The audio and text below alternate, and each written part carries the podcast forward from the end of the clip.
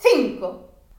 Volvín chamar a Timofónica, que antes tiña un garito antro, no que, tras o conflito con aquel grupo supostamente feminista radical, coñecera a Windows XP. E que chegaran a entenderse bastante ben, gracias ao que lle botaron un cable co número de teléfono que chamara a miña habitación do hotel de Beijing a lideresa do sector A, a nosa radical favorita que agora era membra das Ángeles de Charlitas que me pasara a información a petición de Windows XP para ver se me aclaraba as súas anotacións porque tiña unha letra un tanto complicada. Non me puido coller, ao teléfono saíume unha tal Copperjet que, polo que me dixo, debía traballar con el. Timofónica estaba ocupado, É que despois de moitos negocios escuros decidiu pasar ao lado legal, porque andar en trapicheos varios xa non lle facía gracia. Ademais, que xa non se sentía con ánimos para semellantes fregados. Así que puxo unha academia de baile, cousa que lle permitía estar rodeado de mulleres igualmente, isto é básico para el, ganar cartos legalmente e pasalo ben, porque iso sí, pasar había que pasalo ben. Decidín ir á academia e así falaba con el en persoa, e entereime de que a tal Copperjet era unha das mestras da academia, a máis sofisticada alta delgada e de maillots plateados, deslumbrando. Timofónica díxome que tiña que ir a un sitio, antro, dun amigo seu e que me daban os datos do empregado que facía as chamadas, para que fose falar con el se quería. E aló me plantei e a orquesta seguía soando a ritmo de clásico popular. Cando se xirou para velo, a longa melena rubia xirou cun movimento lento e armonioso. O investigador, que era tan bo que todos dicían que era la polla, pero eu son demasiado fina para repetir semellante cousa, sacou os lentes de sol para ver aquela aparición. Daba igual que o seu coche estivese plantado en metade de Linares Rivas cortando todo o tráfico que saía da cidade Daba igual que ela estivese plantada no medio e medio do paso peonil, impedindo o paso daquelas persoas en silla de rodas, que tiveron que facer mil e unha maniobras para chegar ao outro lado da beira rúa. Daba igual, porque naqueles dous metros cadrados parara o tempo, e o espacio perdera a súa dimensión. Soaba a orquesta, descubriu o sol, e floreceron os xeranios dos semáforos. Eu saíra da Academia de Baile de Timofónica cun complexo de torpe que sobrepasaba o normal. E non entendo por qué, porque eu ser somos áxil como unha gacela. Pero aqueles movimentos latinos, pese ás miñas raíces e o meu paso por Brasil, non debían estar feitos para min.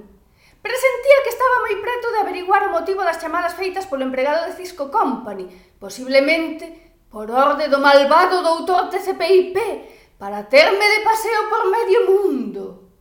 Mentras tanto, a nosa happy flower favorita mariposa, que era outra das membras das Ángeles de Charlitas, xunto ca mencionada lideresa do sector A e a nosa executiva de alto nivel favorita, Poppy, estaba disputando un campeonato de flying cups, valedeiro para o campeonato mundial.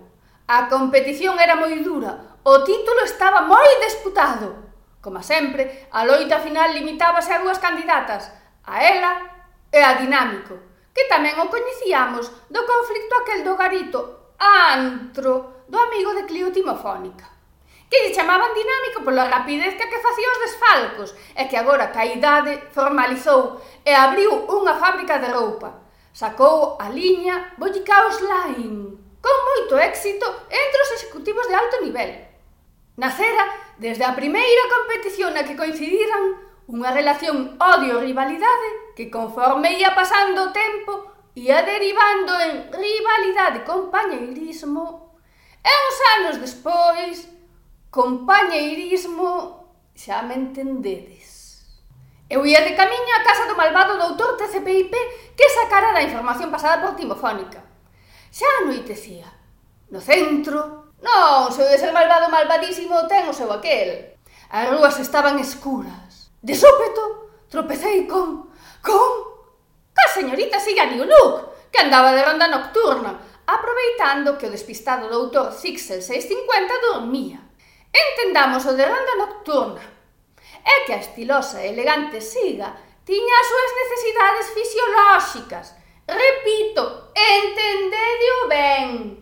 Era unha vampira, que xa o dixen en capítulos anteriores mal pensadas. Acompañoume durante un anaco mentras estudaba persoal.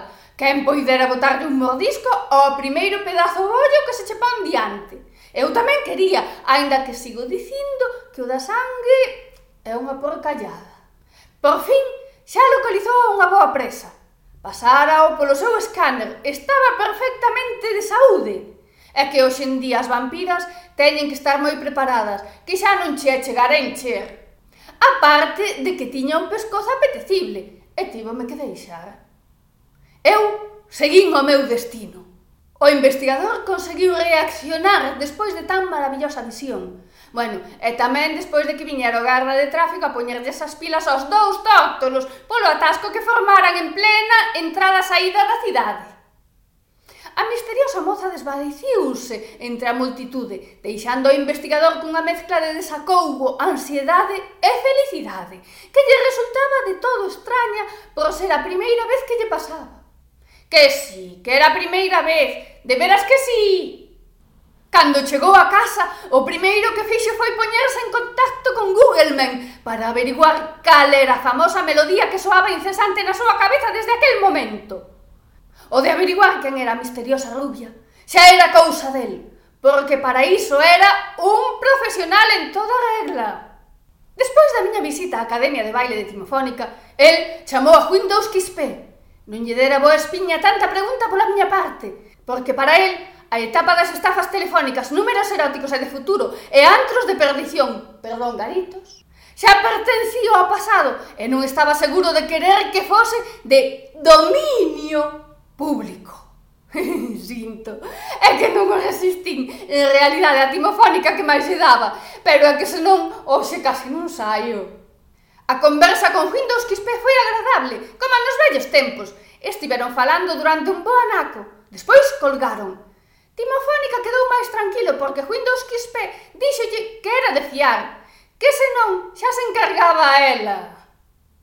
Pola súa parte, Windows Quispe tamén botou a vista atrás, Tratou de lembrar que fora o que os separara. Non fora ningún mal rollo. Con Timofónica non había malos rollos. En todo caso, se eras cliente daqueles negocios seus. E con Windows XP tampouco había cabida para malos rollos, porque tiña un talante tranquilo, aínda que moi firme. Vamos, que che pon as pilas, pero sen que se lle mova un pelo a tía. Si, xa o lembraba. Foro do monstro das sete caras e o seu mono medio metro. O mellor, ela non lle prestara demasiada atención a Timo naqueles momentos. Pero o deber era o deber. Despois do conflicto no garito, antro, de Timo Fónica, no que lideraba aquel famoso grupo supostamente feminista radical, presentouselle outro reto, outra pedra no camiño, outro muro que derrubar. Que a lideresa do sector a entretida aló polo Himalaya Tivo que enfrontarse ela soa ao monstruo das sete caras. Aquel monstruo que tiña unha explotación subterránea, dis que lle chamaban mina, aló polo centro da Coruña, onde máis tarde se edificaría a sede central centralísima da Cisco Company. Naquela mina traballaban día e noites en descanso miles e miles de escravos. Semellante despropósito chegou a oídos de Windows Quispe, Decidiu rematar con aquel sofrimento e liberar os escravos sometidos. Meditou coidadosamente o plan de ataque. Nunca se enfrontara como monstruo das sete caras, pero xa lle falaran del e dos seus sucios trucos. Daba igual, se algo era fin dos era valente, aparte de estupenda, divina, e intelixente, e iso sí, e sobre todas as cousas, tiña unha loira melena impecable e divina. Aclaro e especifico isto porque era moi tolerante e dialogante. Pero a quen lle descolocara un pelo da cabeza, era capaz de seccionarlle o pescozo con só miralo. Windows XP preparara ben a estrategia. Estaba claro que un piquete na entrada non serviría, porque os escravos vivían dentro da mina, e entrar e sair só o facía o monstro das sete caras.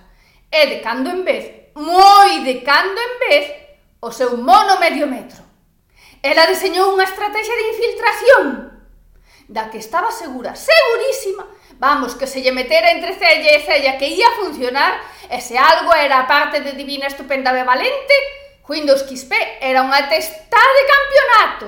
Pero de todos os xeitos consultou no ca lideresa do sector A que andaba de tonteo aló polos pubs do Himalaya tomando whisky on the rocks co Yeti.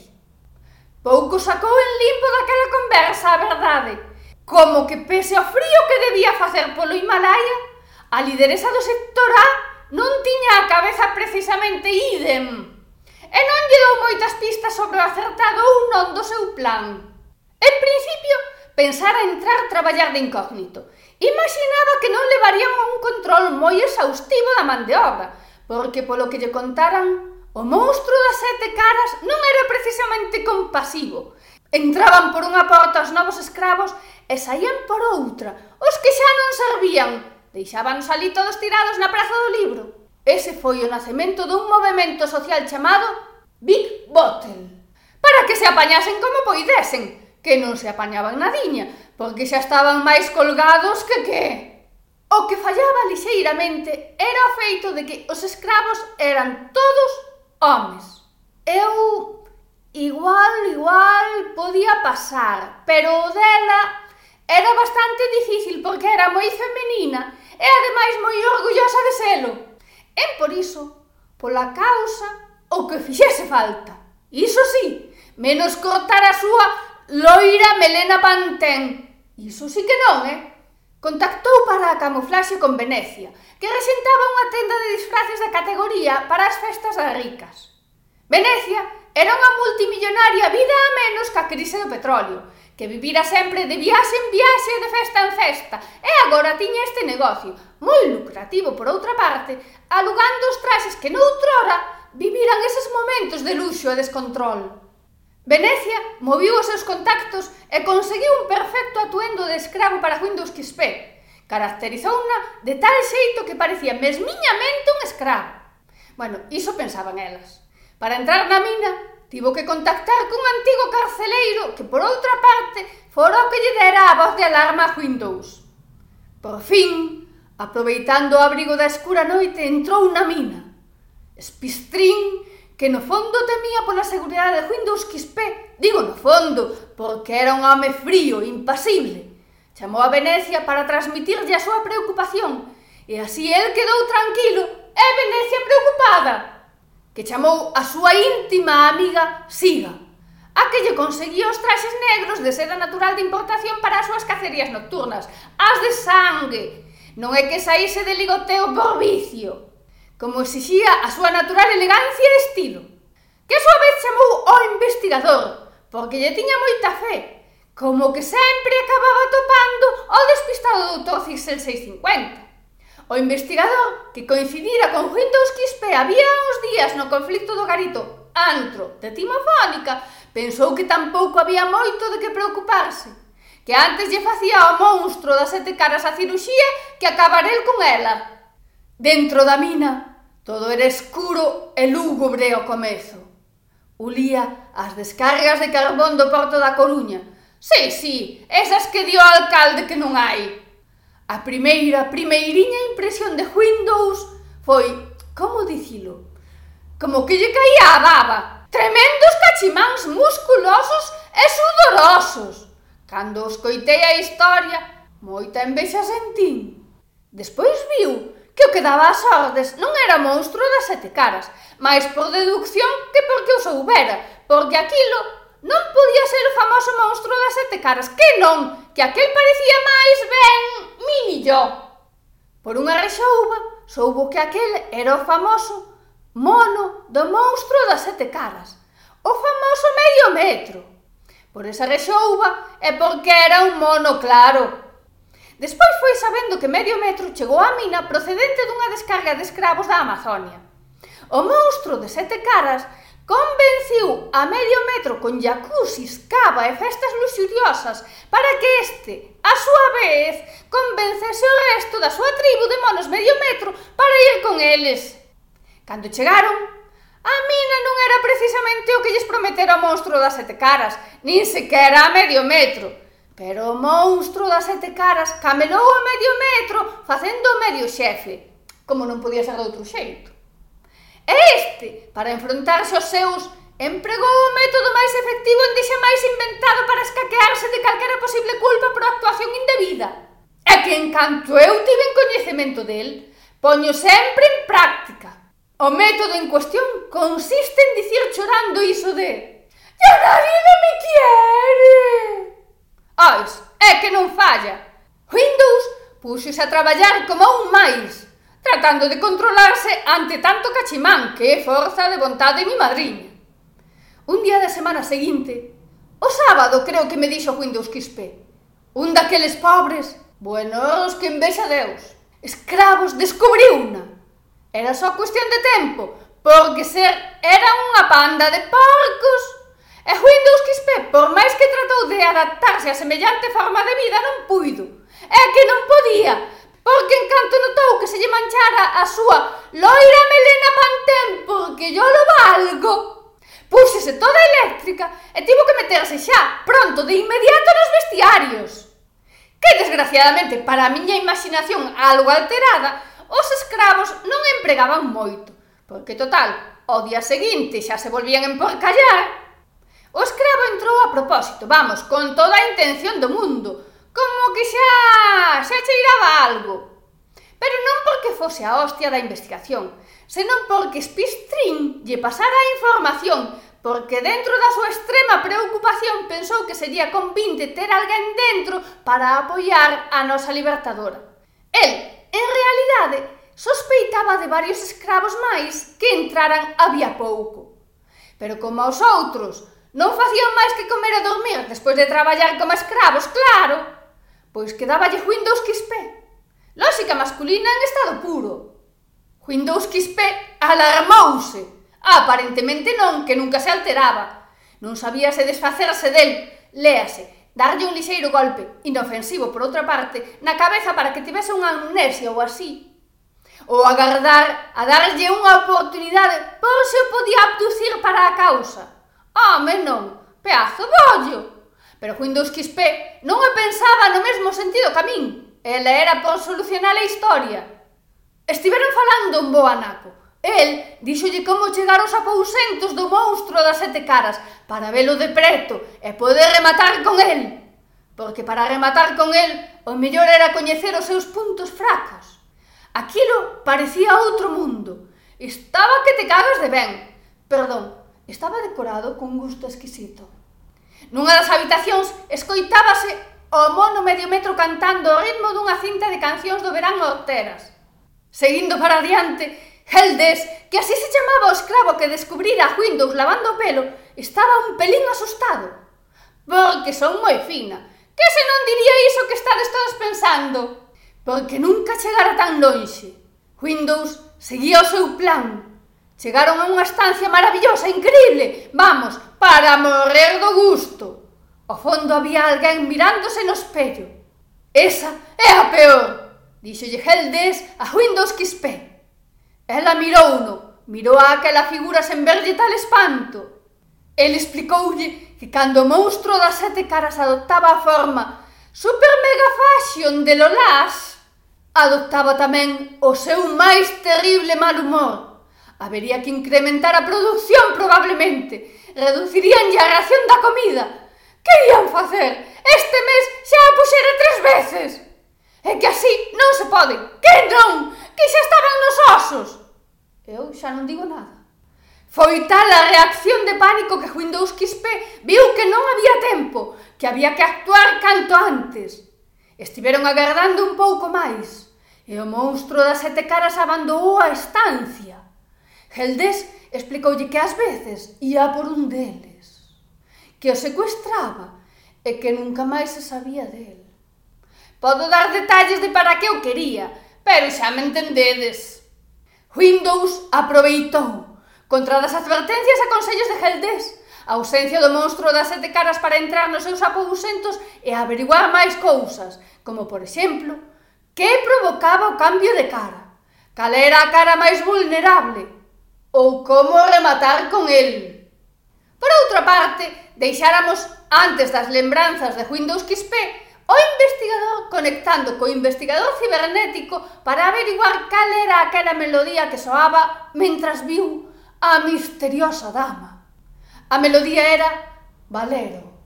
Pouco lle dixo esta información. El era máis doutro tipo de música, baladas románticas e cousas así. Pero aquel momento máxico ben mereció o esforzo. A señorita Newlook xa rematara ca súa presa de pescozo tenro e dispoñíase a volver para casa. Eu xa chegara ao portal do enderezo que me dera timofónica. Era unha casa señorial como correspondía, ou eu tiña en mente que correspondía ao malvado doutor TCPIP.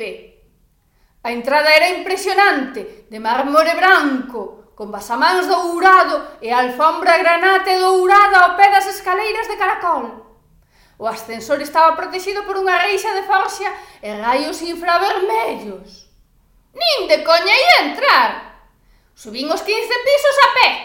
Xa dixera que estaba moi áxil. Pois sí, precisamente por burradas como esta. Cando cheguei ao piso número 7, sentei a descansar. Era un edificio de moito nivel e tiñan sofás de coira nos descansos. Estaba desfeita, quedei dormida. Heldes, o esclavo aliado de Spistrin que pillara Windows XP a lideresa daquel movimento supostamente feminista radical do conflicto do Garito, antro, do amigo de Clio Timofónica co que acabara entendéndose moi ben, xa me entendedes.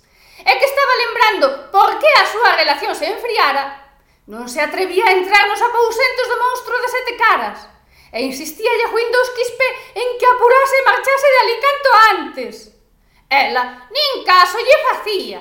Escomezara a revolver nos caixóns. Non había nada. Bueno, sí que había algo. Perfumes carísimos, roupa carísima, zapatos carísimos, complementos carísimos, bolsos carísimos.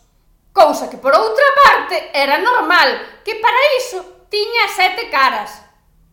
Windows saiu da habitación, colliu o corredor e doulle por ir abrindo cada porta que topaba. Heldés, ao ver que Windows desaparecera no interior da mansión do monstruo de sete caras, pensou que era mellor meterse na boca do lobo acompañado que quedar ali plantado el só a espera de que o mono medio metro rematase ca súa colección de cancións de verán horteras e o pillase e se chivase o monstruo das sete caras, cousa que se daba por sentado que ia facer, Porque para iso o trouxera o monstro das sete caras. Cada estancia parecía o pousento dunha das caras do monstro das sete caras.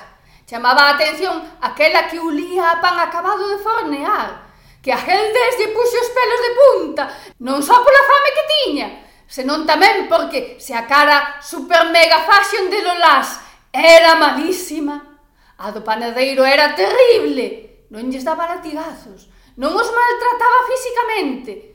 Só lle daba por cociñar saborosos manxares e comelos diante deles. E eles, por suposto, mortos de fame. Windows, ao ver o estado no que estaba o seu compañeiro improvisado de aventura, dixen aventura, pero de aventura, non do outro mal pensadas. Díxolle unhas palabriñas de ánimo, xa sabedes, Ti podes, és un valente, preciso do teu apoio, como te rajes agora, esfólate. O que se di nestes casos.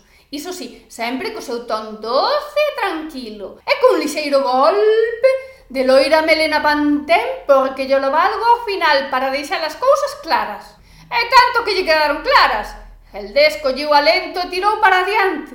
Ao final, se todo saía ben, el sería un herói, porque ao final, o mérito sempre o levaban os tíos, pensaba Windows Quispe.